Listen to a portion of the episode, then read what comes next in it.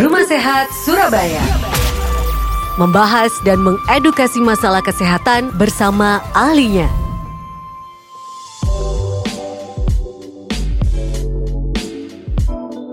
Nama saya Merkuri, sahabat dan selamat siang, pagi menjelang siang lebih tepatnya, sahabat. Dan ketemu lagi di Rumah Sehat Surabaya di edisi 29 April 2020. Sahabat seperti biasa di Rumah Sehat Surabaya kita menghadirkan para ahlinya, sahabat yang akan memberikan kita banyak edukasi, informasi seputar kesehatan ya. Dan seperti biasa, selamat Mhm. pagi Alhamdulillah. siang.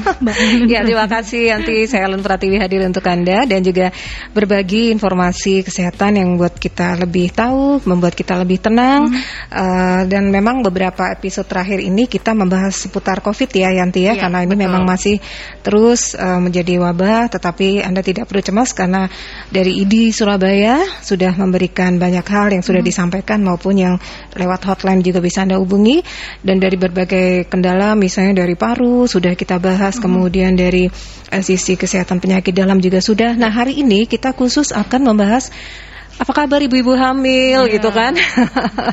ibu-ibu hamil di Surabaya mudah-mudahan pada sehat semua. Ini para ahlinya sudah ada di studio Mercury eh, untuk khusus untuk Anda di rumah sehat. Kalaupun Anda tidak hamil barangkali informasi ini bisa Anda bagikan ke keluarga atau juga kerabat teman tetangga yang barangkali juga eh, sedang mempersiapkan kehamilan, sedang hamil menyusui atau eh, mungkin baru saja melahirkan. Nah, eh, pagi hari siang hari ini eh, kami terima kasih sekali eh, sudah hadir di studio Profesor Dr. Dr. Eri Gumilar Dahlan SPG Konsultan. Assalamualaikum Dokter Ah, Prof ya. Sehat terus ya Prof ya. Baik, kemudian juga Dr. Muhammad Yusuf SPOG Konsultan. Assalamualaikum Dr. Yusuf. Waalaikumsalam Mbak. Ya, juga ada Dr. Ilham Aldika Akbar SPG Konsultan. Apa kabar dok? Alhamdulillah baik. Lama nggak ketemu ya dok ya? Iya. Oke, baik untuk kali ini kan uh, kita sama-sama bulan Ramadan selamat berpuasa semuanya ya. Juga untuk para pendengar sahabat Merkuri Surabaya. Ini sangat istimewa ya Yanti ya karena kemarin kita bahas ini baru pertama kalinya ada Ramadan dalam kondisi yang uh, seperti ini. Nah, ini kemarin kita membicarakan untuk yang mungkin umum ya. Dalam Nah, gitu ya. Iya, ini khusus nih ya. Sekarang apa yang menjadi perhatian para dokter kandungan saat ini? Mungkin bukan hari ini ya, sejak awal ada COVID ini tentu sudah menjadi perhatian begitu ya. Di satu sisi itu ibadah, kita harus berpuasa, tetapi di sisi lain harus tetap sehat dan bertahan di uh, ada pandemi, Pandemi COVID. Ije, ini monggo gitu. silakan. Bagaimana? Apa yang menjadi perhatian para dokter? Misalnya kemarin sudah ada dengar juga kalau kontrolnya harus di apa di Diatur. Oh, diatur gitu nggak kayak tiap bulan mesti Kalau ada kontrol keluhan saja baru Iya. bisa menghubungi dokter Gimana atau sampai hari ini nih, Dok? eh, dokter kandungan melakukan apa begitu untuk ibu-ibu yang sedang hamil ini? Silakan dokter Yusuf. Eh, terima kasih Mbak Ellen. Mhm. Eh, sudah masuki Ramadan hari ke lima sekarang ya. Selamat berpuasa eh, untuk terutama ibu-ibu hamil, mungkin yang lagi menjalankan ibadah puasa. Mudah-mudahan eh, lancar melaksanakan ibadah puasanya di tengah Amin. pandemi COVID ini ya. Eh, jadi Eh, yang kita bahas kan sekarang masalah kehamilan di tengah pandemi ini ya. Kita mungkin nggak seberapa membahas masalah puasa dan kehamilan Baik, ya. iya, iya. Iya, kemudian apa-apa yang eh, yang bisa kita sarankan untuk wanita-wanita hamil yang di tengah pandemi ini sebenarnya eh, apakah wanita hamil ini harus eh, pemeriksaan kehamilan secara rutin seperti hari-hari sebelum ada wabah itu sebenarnya eh, Pogi ya eh, Sutomo Rumah Sakit Sutomo ID itu mengeluarkan suatu panduan ya Hmm. jadi eh, harus berubah memang sekarang itu nggak nggak harus sering Disesuaikan ya, Dok, ya. Iya, ke rumah Hmm. sakit jadi eh, kapan misalnya seorang wanita hamil di tengah wabah ini mereka berkunjung itu memang eh,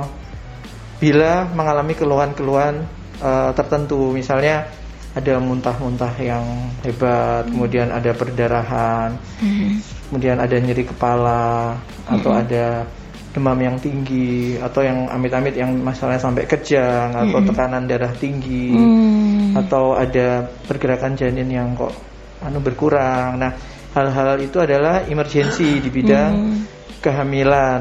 Nah, hal-hal itu yang harus memang tetap harus segera ke rumah sakit ya. Di luar itu Kalau di luar itu ya bisa ditunda, Ditunda. ya atau Mm-mm. sekarang bisa melakukan misalnya konsultasi by eh, misalnya eh, Online gitu ya. sama dokternya menanyakan apakah harus ke rumah sakit atau bisa ditunda dulu. Sedapat mungkin sih memang eh, stay home itu memang anjuran yang eh, kita anjurkan juga untuk wanita hamil ya social distancing, memakai masker, hal-hal yang wajib yang yang selalu kita edukasikan kepada jadi itu kayak udah wajib gitu ya kalau untuk ibu hamil ya. iya. Untuk eh, hindari dulu pengen jalan-jalan ngidam ke mall gitu kan ya, Iya, jadi eh, nggak perlu tiap pemeriksaan kan biasanya ada USG itu nggak harus tiap datang diperiksa ya dok ya gimana dok? Ya, mungkin boleh nambahin dikit ya dari Iya, Dr. silakan. Jadi, Adi. tes. Eh, jadi untuk eh, ibu hamil memang tidak tidak harus selalu seperti biasanya. Jadi ini kan kondisi khusus ya, ada pandemi, ada wabah. Jadi dengan ibu sering keluar rumah itu juga akan berisiko terpapar ya, sehingga dia bisa tertular infeksi. Jadi memang baiknya dikurangin. Jadi kontrol itu akan akan dikurangin. Apalagi pada ibu-ibu yang kehamilannya normal, tidak berisiko itu bisa bisa memperjarang frekuensi untuk pemeriksaan ke dokter. Nah, bisa dokter Desa tadi sudah bilang bisa kontak secara dokter. Kan sekarang sudah ada WhatsApp ya. Biasanya sudah punya WhatsApp dokternya tinggal WhatsApp ini keluhan saya apakah perlu perlu Datang. kontrol atau tidak ya. Dan yang, dan juga memang ini istimewa ya karena kita sekarang bulan puasa jadi tantangannya itu double. Jadi ada kita juga harus berpuasa. Sebagian ibu hamil ya tetap boleh berpuasa sebagian ibu hamil. Tapi juga di tengah wabah seperti ini itu yang yang menjadi Jadi mesti challenge. menjaga kesehatannya agak ekstra gitu ya dok ya. Oke oke. Kemudian eh, Prof sebenarnya ini maaf ini kita masuk ke wab- ke COVID-nya ya Prof ya gitu. Resiko apakah ibu hamil ini rentan banget terkena virus atau bagaimana ya dok ya? Atau sama apa, apa potensinya dengan orang yang tidak hamil begitu Prof? Terima kasih, terima kasih. Assalamualaikum warahmatullahi wabarakatuh. Kami senang sekali ini berbagi informasi di sini. Jadi em, saya sejalan dengan Dr. Yusuf, Dr. Aldi. Nah, apakah dalam keadaan pandemi COVID-19 ini ibu hamil ini bagaimana dia? Eh, memang kita harus memahami ibu hamil itu adalah ibu yang menjalani kehamilan, dia juga mengalami suatu keadaan khusus. Kalau dalam bahasa kedokteran itu dikatakan uh, physiological adaptive dan immunocompromise.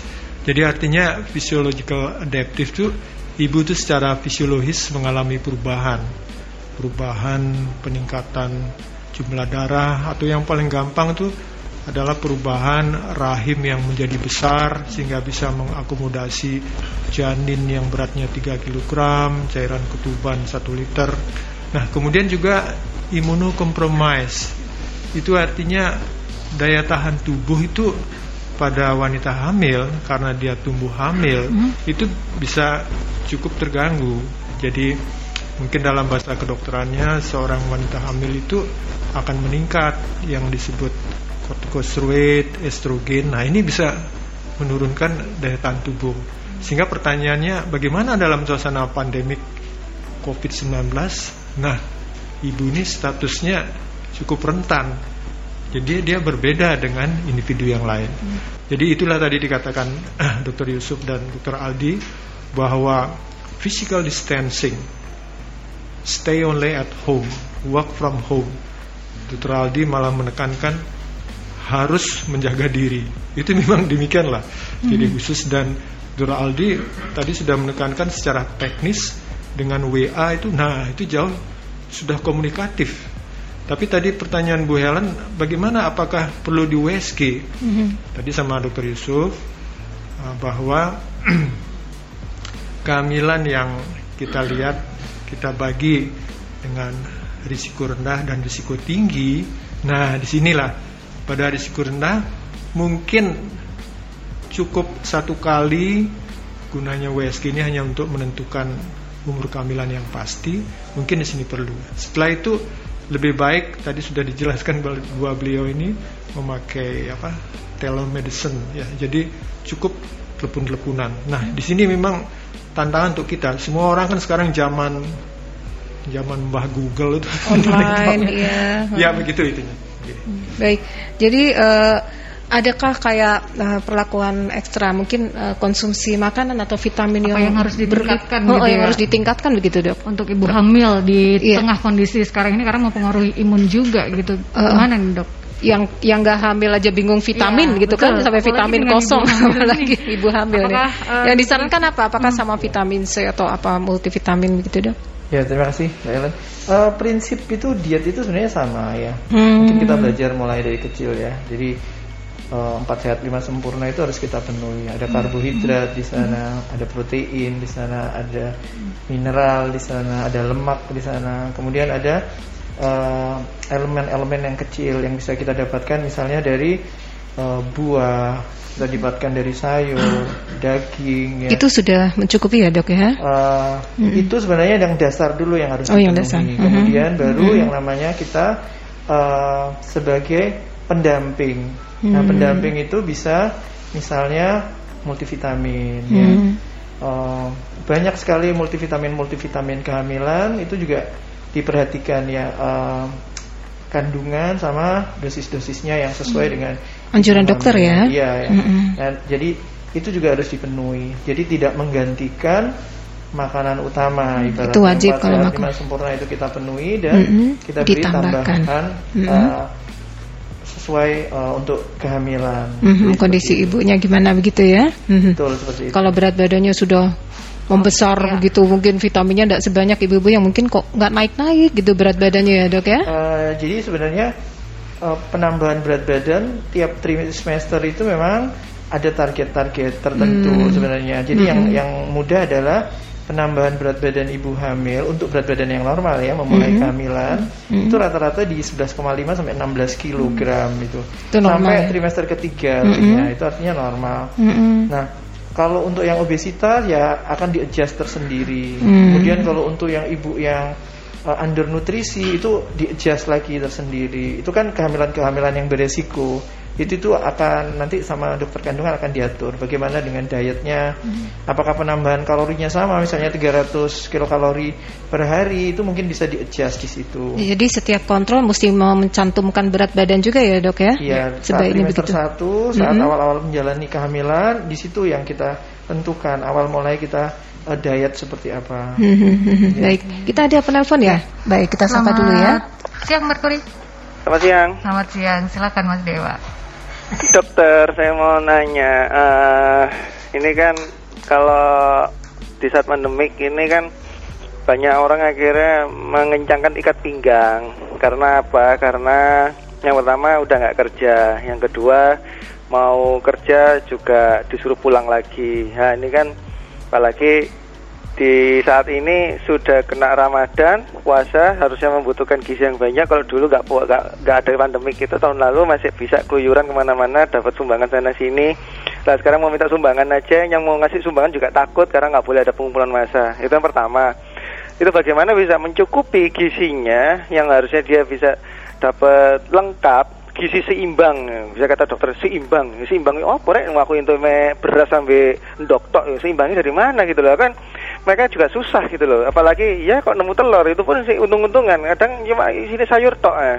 itu pun juga makso itu nah, itu kalau lagi hamil nggak masalah. Nah, ini kan yang ditakutkan bukan karena coronanya sih malahnya pasca ngelahirin bayinya jadinya stunting yang pertama yang kedua kuning. Nah, itu loh bayinya jadi kuning. Itu gimana dok ya? Gizi seimbang yang bagaimana yang notabene sudah nggak kerja pertama sudah nggak punya pemasukan dan ini hanya bisa untuk satu kepala keluarga tetapi dia harus makan berdua untuk sama suaminya. Momennya kena mertuane mana berempat.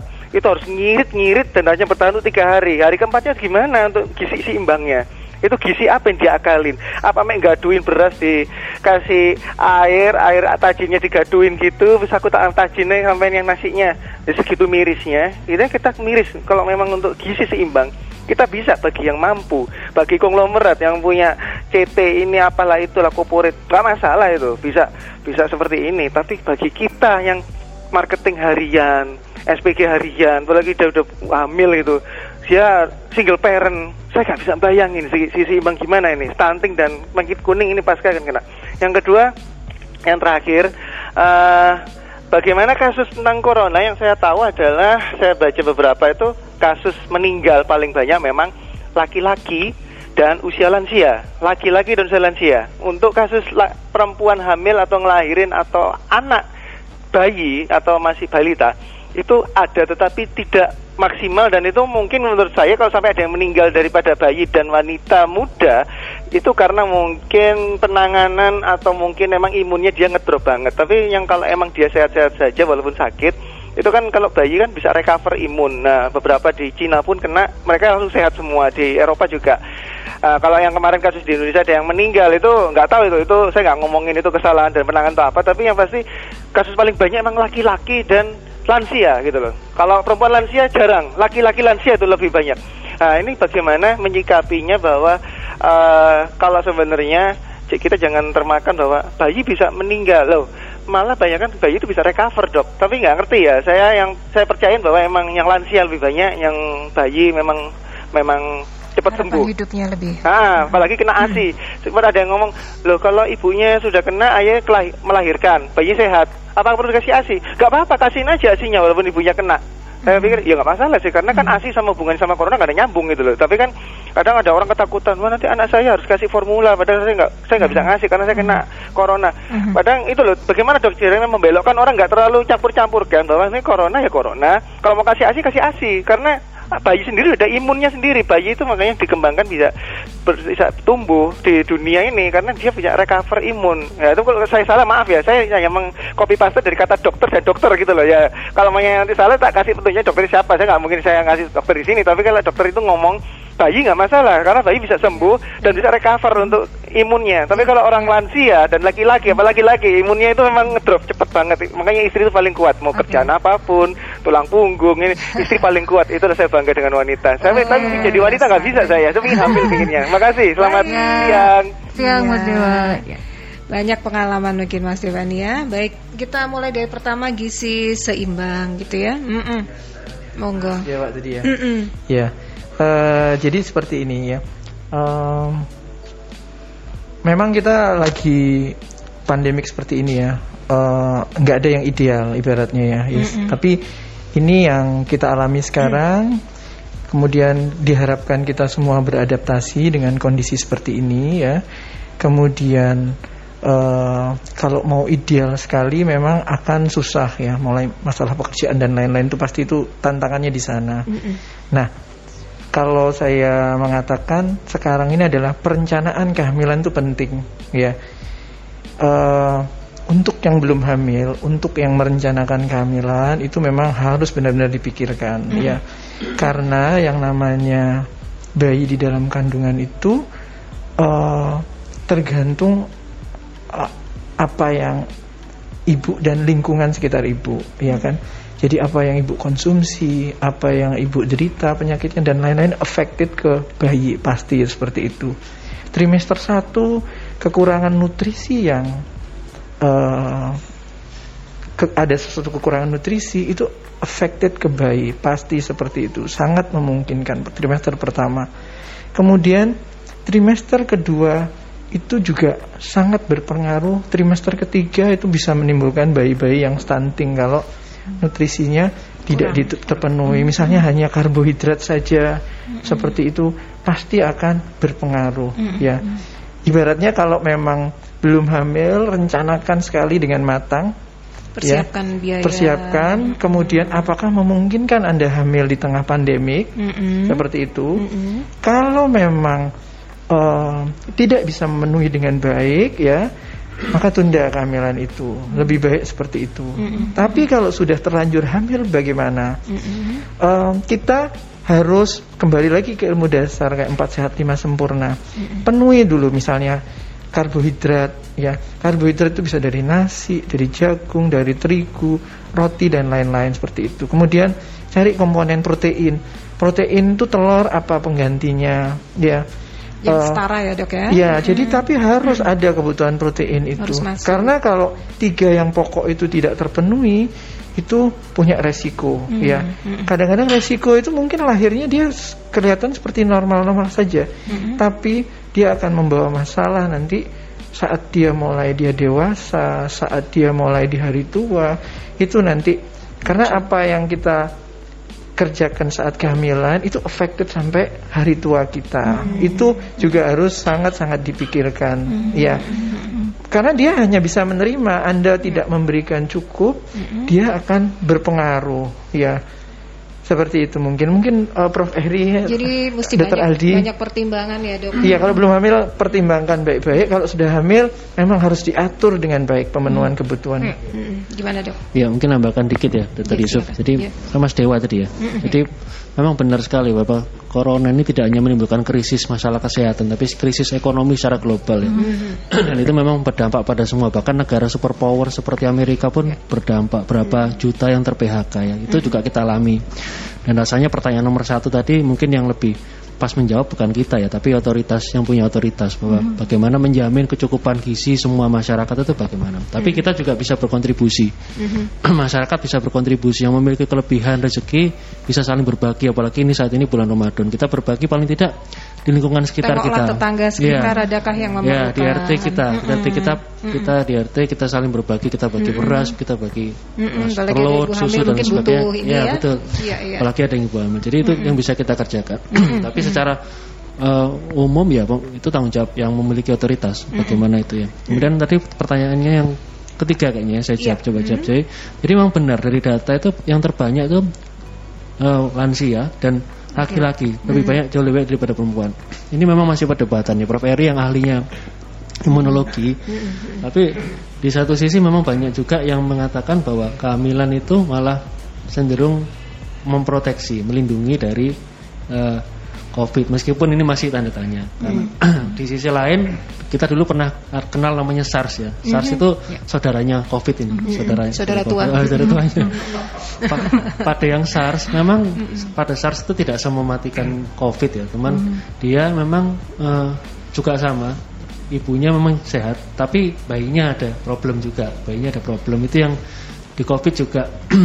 Di COVID ini alhamdulillah untungnya kok uh, bayinya cenderung relatif lebih baik uh, uh, luarannya ya outcome-nya ya dibandingkan SARS. Kalau SARS itu rata-rata terkena pertumbuhannya jadi terhambat. Di bayinya kecil, kemudian uh, bisa mengalami gangguan dalam rahim sampai bayinya meninggal. Tapi kalau yang COVID ini, uh, COVID ini hmm. dari yang terbaru itu berapa ya? 52 kasus ya kalau nggak salah di Amerika itu laporannya hmm. itu menyatakan relatif baik, bayi-bayinya juga relatif baik, tidak ada yang tertular. Jadi hmm. alhamdulillahnya itu COVID itu dia tidak, insya Allah tidak menular dari kehamilannya. Hmm. Yang tertular bayi itu setelah lahir, setelah lahir kontak dengan ibunya tanpa ibunya harus pakai masker betul ya. tanpa pelindungan kontak mm -hmm. itu yang tertular ada dua bayi kalau nah itu.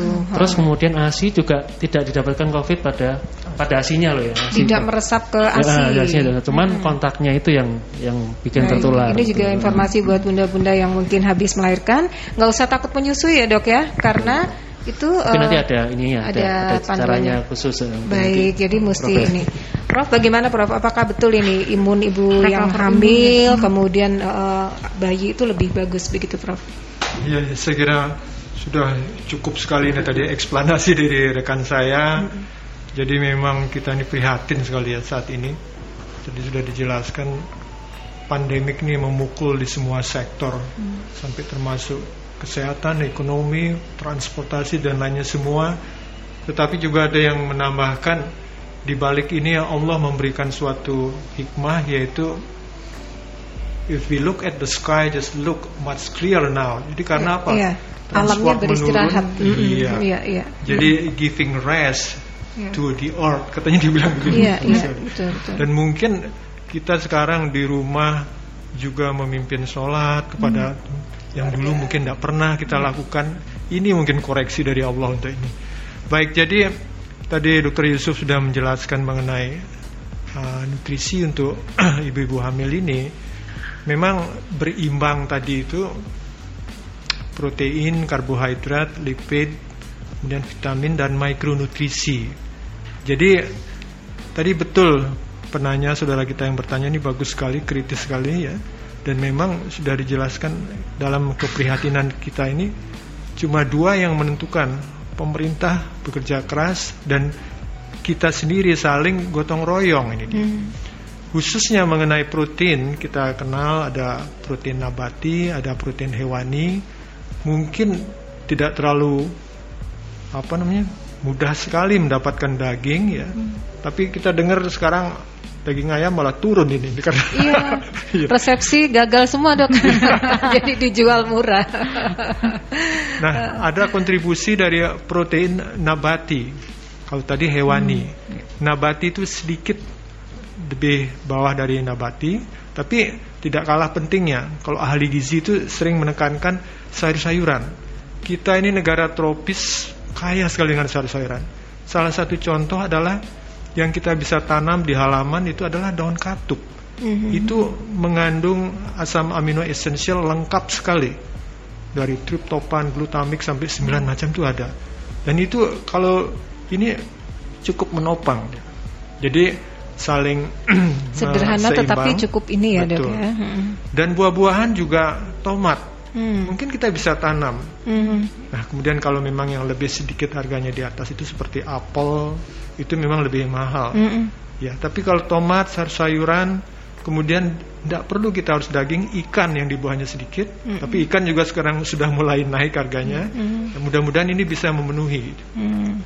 Ya. Nah, eh, mengenai tadi Dr. Aldi sudah menjelaskan bahwa relatif laki-laki itu lebih tinggi terkena ini. Itu eh, satu memang ini dinamis. Jadi kasus di dunia dari WHO terus mempelajari hari ini begini besok sudah berubah. Mhm. Ada perkembangan ya Prof ya. Hmm. Tapi common sense itu uh, laki-laki lebih sering ya karena mungkin kita sudah mengetahui tadi malam bagus sekali dari medsos dari TV bahwa Jakarta sudah mulai turun mudah-mudahan Allah buka itu. Mhm. Nah dari situ terungkap hasil monitoring mereka yaitu kalau bisa berhasil menekan atau menahan mobilitas orang, nah itu loh mobilitas orang. PSBB itu tujuannya sebenarnya ke sana. Mhm. Itu akan bisa turun dia. Mhm. Nah sekarang apa hubungannya dengan laki-laki? Siapa yang banyak mobile di sini? Ya Mhm. laki-laki itu. Ya, ya, Dari ya. sini WHO itu mengungkapkan demikian. Laki-laki lebih. Mhm. Nah pada ah, kehamilan tadi Dr. Yusuf sudah jelas menjelaskan bahwa janin yang 9 bulan 10 hari di dalam perut 40 minggu itu dia akan dibagi atas 0 sampai 14 minggu trimester pertama 14 sampai 28 trimester kedua 28 40 itu memang Allah sudah menciptakan tapi kita ini manusia ilmuwan terus mengejar. Tadi dengan Dr. Aldi sudah dijelaskan saudaranya itu yang MERS dan SARS ya Middle East Respiratory Syndrome dan Severe Acute Respiratory Syndrome. Ini dia agak berbeda sedikit ya sampai saat ini kasus-kasus yang diungkapkan itu belum membuktikan bahwa si viral ini pada ibu hamil yang terkena transmit vertikal ke janinnya Hmm.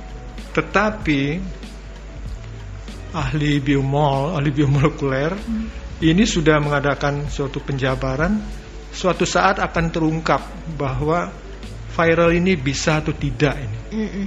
Karena aduh mungkin sedikit bahasa kedokterannya itu bahwa viral ini, virus ini, virus ini kan makhluk Allah yang cerdas sekali.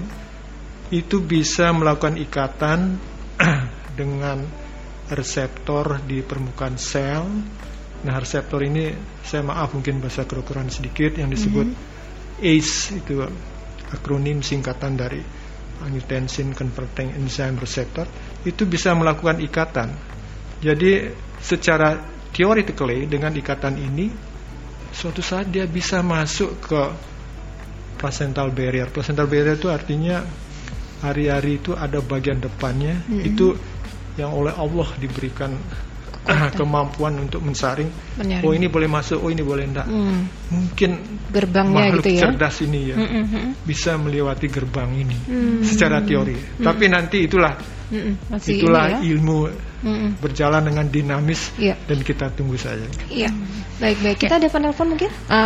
Ada yang masuk di WhatsApp, Oh, tapi WhatsApp, kita ya. akan ke jeda iklan terlebih Oh, dahulu, ini sahabat. penting. Jadi Kita istirahat dulu ya. Setelah jeda iklan, eh, beberapa informasi, eh, ada beberapa pertanyaan juga yang akan kita sampaikan. Jadi Silakan. tetap stay tune di Rumah Sehat Surabaya, sahabat. Rumah Sehat Surabaya akan kembali setelah yang satu ini.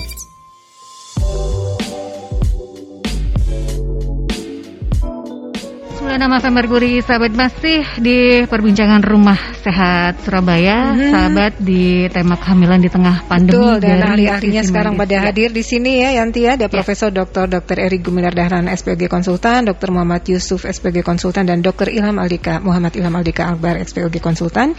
Kita ngobrol-ngobrol kehamilan di tengah pandemi Covid ya. Ini ada yang Ini ada bertanya lewat dari WA ya? WhatsApp, WhatsApp, dari oke. Anissa, haruskah menunda kehamilan saat pandemi COVID-19 ini, Dok? Mhm. Kemudian dari Ibu Wati dengan jumlah yang positif COVID-19 kok jadi takut ya untuk melahirkan di rumah sakit dengan situasi Eh, sekarang terus ini. melahirkan di mana, Terus gimana? Kemudian Ibu Ana, langkah-langkah apa ya dok yang harus diambil untuk meminimalisir kontak ibu hamil ini demi mencegah transmisi COVID-19 ini? Salah Oke, satunya salah mungkin nggak mudik. Bu Anissa gimana? Menunda dulu nggak sih dok? Gimana sebaiknya? Mm. Eh, sebenarnya kehamilan tuh hak asasi ya nanti. Oh, melanggar hak asasi nanti. Kita sebenarnya memang harus lebih berpikir lagi eh, karena eh, semua kan serba susah ya akses kita susah mau ke dokter juga susah. Yang ditakutkan tuh akses makanan tuh nanti kita pemenuhan kebutuhannya juga eh, akan terbatas. Jadi memang harus lebih direncanakan eh, dengan baik kalau untuk Kalau semuanya belum siap, hamil ya siapkan aja, Iya. nggak lancar Ya, aja tapi ya. kalau yang sudah hamil memang ya itu tadi ya eh, apa itu ibaratnya kayak keluarga penyangga itu harus ada tuh. Eh, jadi sekitar kita itu Backup memang harus ya. ya harus memperhatikan tuh kalau ada ibu hamil, bagaimana kita memenuhinya ya. Jadi saling menolong itu memang memang baik ya. Oke, kabarkan ke seluruh keluarga tetangga, halo saya hamil. Dan minta tolong dipenuhi kebutuhan Iya gizinya. bantu-bantu lah ya gitu. Oke, ha, bisa lah insya Allah itu ya. Kemudian ada tadi pertanyaan kedua apa Ini ya? eh, jadi takut melahirkan di rumah sakit. Takut dengan melahirkan di rumah sakit. Apakah benar ini. rumah sakit Dok? Eh, jadi apa namanya nanti bisa menular atau apa gitu dong? oh benar. Ya. Takut melahirkan di rumah sakit ya. Jadi em, untuk untuk saat ini ya sam- sampai sejauh ini bahwa tempat melahirkan yang paling aman itu ya di rumah sakit. Justru tempat lebih aman paling aman untuk melahirkan di rumah sakit. Cuma Iya, nanti iya. di rumah sakit kan juga tidak akan dicampur ya. Dicampur Iya, orang yang ada. sakit dengan orang yang hamil sehat kan tidak mungkin dicampur Justru Pasti akan harus di- jujur ya pasiennya ya. Mm-mm. Betul itu Mbak Ellen. Jadi salah satu faktor terpenting adalah kejujuran karena itu untuk untuk keselamatan semuanya baik pasien maupun tenaga medis. Jadi pasien kalau ada gejala atau apa harus jujur pada dokter. Segera Riwayat cerita, ya. perjalanan ke mana harus Iya. jujur. Karena ini bisa membahayakan kalau memang nanti misalnya dia berbohong Salah dianggap ya. sebagai orang yang tidak berbahaya, tidak tidak ada penyakit, ditaruh di ruangan yang bercampur dengan orang-orang sehat, maka dia bisa menulari semua yang misalnya akan bersalin di sana. Nah, ini harus benar-benar benar-benar menjadi anu, perhatian.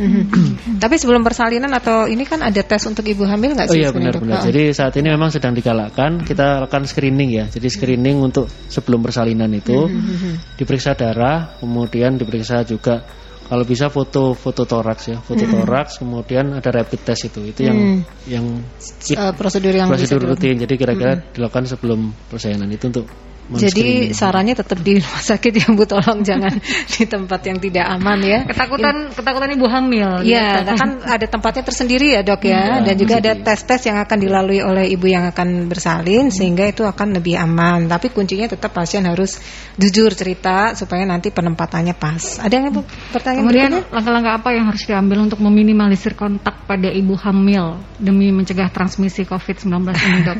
Ibu hamil nonton drakor aja di rumah, drama Korea. gimana gimana? Langkah Tidak apa? usah Heeh. jangan ke mana-mana saja tuh.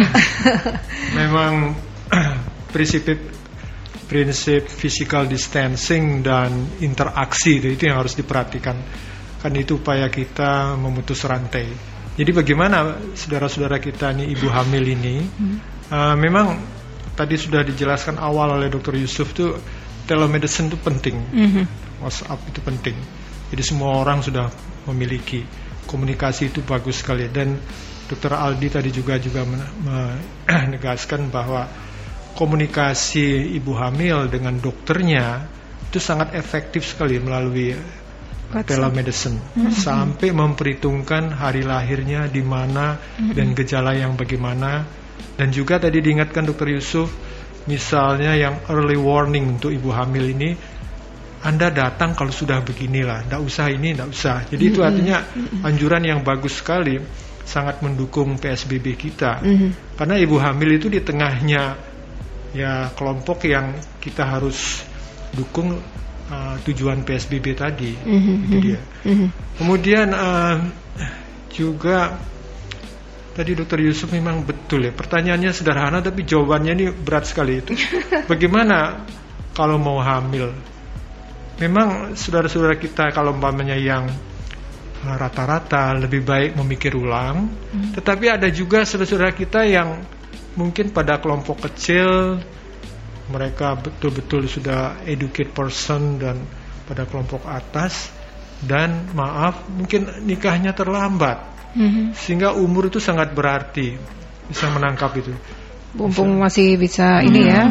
Ya, apalagi betul, sekarang kan uh, working mother waduh ibu Ya. itu kan Mhm. megang peran tinggi Karir. sekali ekonomi Mhm. kuat sehingga lupa nikah ya Mm-mm. nah umur nikahnya umur berbatas jadi bagi mereka sangat kehilangan waktu kalau umpamanya untuk ini nah kalau ini mungkin advice-nya berkomunikasilah dengan dokternya mungkin mereka mau cari apa terobosan dengan apa ya program IVF atau apa lah itu ini ini kelompok khusus dia Iya. mungkin itu dari saya Baik, baik. Ada yang ditambahkan? Ini ada eh, Pertanyaan lagi? pertanyaan lagi yang masuk dari Deva, bisakah ibu hamil menjadi karier, Dok? Kemudian bagaimana cara ibu hamil check up ke rumah sakit untuk periksa kehamilan? Sementara ada himbauan kita sebaiknya tidak ke rumah sakit kalau nggak penting-penting amat. Hmm, jadi bisa diulang lagi nanti ya sekali. Silakan dokter. Iya, Eh, carrier itu bisa dikatakan orang tanpa gejala seperti itu ya. Jadi eh, di studi di Amerika itu banyak juga yang mengungkapkan ya. Jadi misalnya kita ada kalau nggak salah itu dalam waktu dua minggu itu ada 230 kunjungan ibu hamil tuh di suatu rumah sakit di New York waktu itu. Kemudian semuanya dilakukan PCR ya. Eh, ternyata didapatkan data itu sekitar eh, 30% itu mereka itu positif ya PCR loh itu ya. Dan dari 30% yang positif itu yang menunjukkan gejala jadi misalnya ada 35 yang ternyata dia positif PCR-nya yang hanya punya keluhan itu hanya empat orang aja. Muncul baru. muncul ya. Jadi yang lainnya itu tanpa Nggak geja- kelihatan. ya 87% dari wanita itu yang sekitar 34 orang itu itu symptomless itu yang namanya orang tanpa gejala dan dia berpotensi untuk menularkan ke nakes tenaga Nah, kesehatan nah. Nah, seperti itu. Makanya di Surabaya eh, kebanyakan rumah sakit sudah melakukan pemeriksaan screening ya. Jadi siapa pun yang datang untuk tujuan persalinan harus di screening dulu di depan. Ya, tadi Dokter Aldi sudah menjelaskan pemeriksaan darah, rapid test, torak foto itu yang Wajib eh, ya. menjadi modal kita seperti itu. Nah, kemudian ini apakah ada perbedaan apa namanya penanganan dok? Misalnya nah, pada saat persalinan itu untuk pasien yang eh, dengan COVID atau tidak COVID, apakah mereka harus sesar ataukah harus normal begitu? Eh, kebetulan POGI ya, Perkumpulan Obstetrik Ginekologi Indonesia itu sudah mengeluarkan Perkumpulan rekomendasi. kandungan ya? Ya, mengeluarkan rekomendasi kalau untuk pasien PDP dan confirm itu eh, harus seksio. Ya, keputusannya seksio, cesarean. Keputusannya seperti Iya, itu. kalau dia memang confirm dan PDP. Tapi kalau tidak ada hubungannya, screeningnya sudah benar-benar negatif atau dia hijau, artinya Aman? eh, persalinan itu sesuai dengan indikasi obstetri. Oh, jadi ya bisa sesar, bisa normal. Iya. Eh, karena apa namanya mungkin tiap ibu kondisinya berbeda-beda ya. Betul. Baik. Ya, jadi memang tadi eh, kalau memang nggak penting-penting amat, memang eh, nggak usah ke rumah sakit dulu untuk hanya sekedar pemeriksaan rutin aja. Kan Prof. Eri tadi sudah menyampaikan telemedicine bisa dengan WhatsApp atau sarana yang lainnya. Kecuali kalau ada keluhan ya yang saya katakan tadi misalnya tekanan darahnya naik, ya ada pecah tuban atau pecah pendarahan, ya itu nggak bisa ditunda karena tempat yang aman memang di rumah sakit untuk hal tersebut. Hmm, Baik, dan itu pun kan dengan janji artinya timingnya sudah bisa diukur ya. Ibu datang jam sekian, begitu-begitu ya biasanya perjanjian begitu. ya. Ha, jadi nggak usah nunggu iya, lama. Iya, biasanya. kalau emergency ya harus sesegera mungkin ke IGD ya, mungkin Iya, ya. iya. Hmm, baik, baik, baik. Nah ini mungkin eh, supaya tidak khawatir, apa sih yang harus dipersiapkan ibu hamil saat jelang persalinan di kondisi seperti sekarang ini dok? Supaya tidak khawatir gitu kan? yang nganter satu mobil biasanya kalau persalinan itu. Mungkin tadinya sehat tapi yang nganter ada bibi, tante, tetangga semua pada nganter gimana tuh? Apakah dibatasi nanti kalau saat persalinan itu, Dok? Ya. Jadi uh, mungkin secara umum dulu ya bahwa untuk gimana sih ibu hamil ini ya tadi beberapa yang mungkin perlu digarisbawahi. Gimana supaya tidak tertular ya. Pertama tadi memang sering cuci tangan itu yang mungkin Oh, harus sering cuci jadi tangan. sama seperti yang lainnya apalagi dengan sabun selama 20 detik ya. Kemudian menghindari kontak sering memegang wajah itu sekarang harus hindari kecuali sudah cuci tangan ya. Kemudian social dan physical distancing itu apa? Sebisa mungkin stay at home di rumah. Kalaupun harus benar-benar pergi. eh, darurat sekali baru keluar rumah. Tapi kalaupun bertemu dengan orang, usahakan berjarak sekitar 2 meter. Jadi kalau keluar rumah kalau ketika bicara dengan orang harus jarak 2 meter dengan memakai masker. Jadi ini sekarang gerakannya semua harus pakai masker. Kemudian pasar ya, apa itu juga ke mana pun harus pakai- masker. Kemudian harus hati-hati ketika meskipun ibu di rumah masih ada potensi tertular. Hmm, Ibu gimana itu, ibu itu kan pasti berbelanja kan, kadang belanja dengan orang lah. Barang-barang yang diterima ini uang dan uang kembalian ini juga ber- berpotensi menularkan. Ini harus disterilisasi. Ini, ini yang ini yang ini ya Hmm, tukang sayur ah, mungkin itu harus disterilisasi dulu mungkin bisa di yang paling gampang ya di apa dijemur gitu ya jemur dulu ya gitu. Jadi tetap harus waspada ya, Dok Waspada. ya. Terus kemudian yang penting lagi ada salah satu yang menarik ini himbauan itu bahwa menjelang persalinan ibu itu kalau bisa 14 hari itu mengisolasi diri Oh. full. Jadi tujuannya apa? Supaya dia tidak terin, terpapar infeksi. Udah kondisinya udah baik. Ya, jadi dia benar-benar ter- Dijaga betul. dijaga supaya dia tidak terinfeksi sehingga nanti pada saat persalinan dia itu relatif bebas dari eh, COVID lah. Itu Jadi, kan anu ya ya, waktu-waktu yang darurat Ah, setelah betul, mendekati betul. persalinan Betul. jadi memang disarankan begitu ya. Betul. Hmm. Dan memang tadi nggak perlu kontrol rut- apa eh, secara sering sekali ya. Ibu hamil pada mendekati persalinan itu dia bisa mengawasi kondisi janinnya dengan menghitung gerakannya. Biasanya saya sering-sering posting di Instagram saya, eh, hitunglah gerakan janin. Jadi normalnya itu kalau dalam dua jam minimal ada 10 kali itu paling gampang. Hmm. Atau secara subjektif aja dia merasa oh gerakan saya kok berkurang. Nah, itu itu wajib ke dokter. Tapi kalau selama nggak ada itu, bu bisa di rumah aja sampai nanti waktunya Mm-mm. mau melahirkan.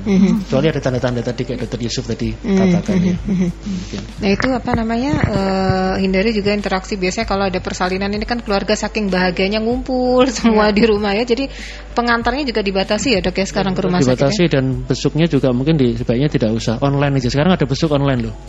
Video Jadi call. video call. Jadi teman-teman teman-teman saya itu yang ada yang melahirkan itu dia cuman nanti ada jadwal besuk online. Jadi dia Oh, ma- pakai video call ya, apa ya, video zoom call atau apa gitu. betul. Oh iya iya iya. Jangan lebih baik jangan menerima kunjungan tamu deh. Nah Kan. itu Sama karena sekali. memang itu kebiasaan-kebiasaan masyarakat kita dok saling berbahagia mungkin ya karena ada Berbagi kebahagiaan ya. Iya ternyata hari ini tuh harus menyesuaikan begitu ya. iya. Nanti kayaknya waktu kita sudah mendekati mungkin Iya. kita masing-masing dokter Eh, bisa memberikan pesannya untuk masyarakat ya. Baik Himbauan juga. himbauan juga monggo Prof eh, silakan Terlebih dahulu Eh, khususnya bagi ibu yang di situasi hamil di situasi pandemi Covid sekarang ini. Silakan Prof.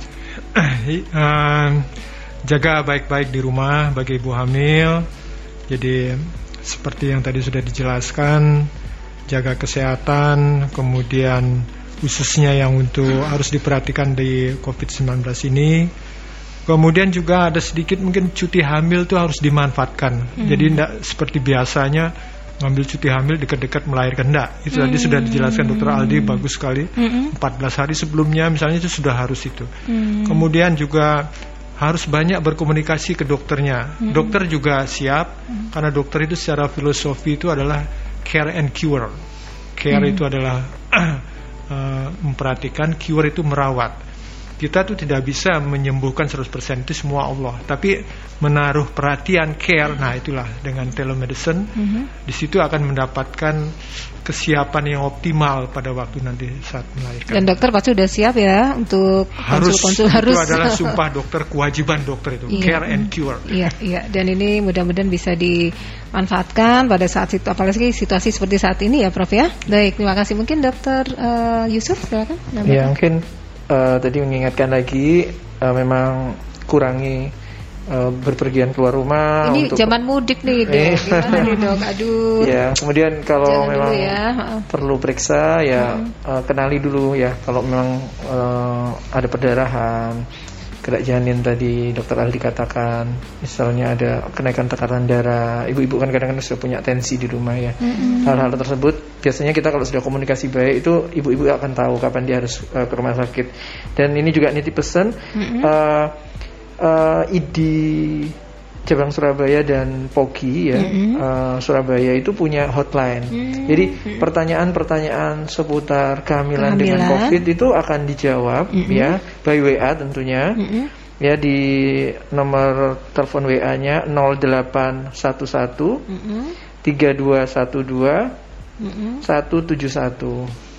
Jadi ini Jadi, khusus yang untuk eh, kehamilan, kehamilan. ya seputar kehamilan dengan COVID ya. Ada hotline-nya ya. Bisa bertanya di sana semuanya yang bisa mendengar em, apa Merkuri ini tentunya boleh ya nggak nggak membatasi untuk warga Surabaya aja yang menanyakan ya. silakan. Nanti akan dijawab oleh pakar-pakarnya ada Prof Heri, ada Dokter Aldi akan menjawab uh, pertanyaan-pertanyaan kehamilan dengan COVID Baik. ya.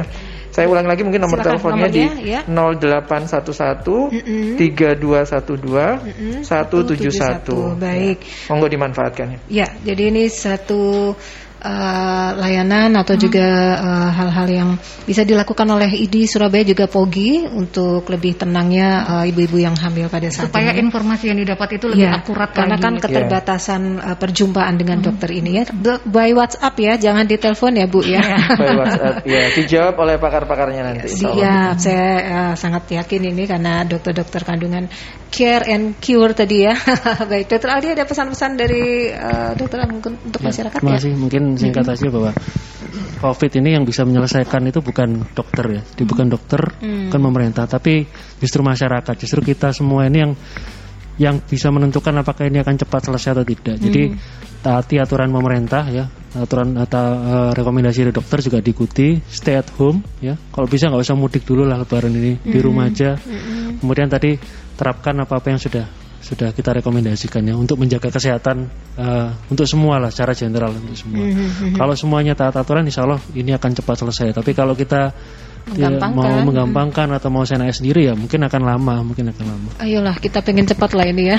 Mudah-mudahan bisa nurut semua, bisa cepat selesai wabah ini kayak lagu badai pasti berlalu itu Ya, ya. Tapi betul. badainya dicepetin dong, jangan lama-lama. Semua dokter memang berusaha semaksimal mungkin, tetapi kuncinya adalah kita Di sendiri di masyarakat masyarakat itu. ini harus uh, bisa menahan diri ya, istilah gitu. Baik, baik. Terima kasih banyak uh, Prof, dokter semuanya ya. Mudah-mudahan apa yang kita bincangkan siang ini bermanfaat. Terima Ya. kasih Yanti. Dan sahabat sudah waktunya juga Rumah Sehat Surabaya eh, mengakhiri perjumpaan dan Anda bisa mendengarkan kembali Rumah Sehat Surabaya yang hadir setiap hari Rabu pukul 11 hingga 12 siang. Sahabat tentunya dengan tamu-tamu yang eh, luar biasa dengan para ahlinya yang memberikan kita edukasi informasi yang benar dan tepat seputar kesehatan sahabat. Saya Lestari, wassalamualaikum warahmatullahi wabarakatuh.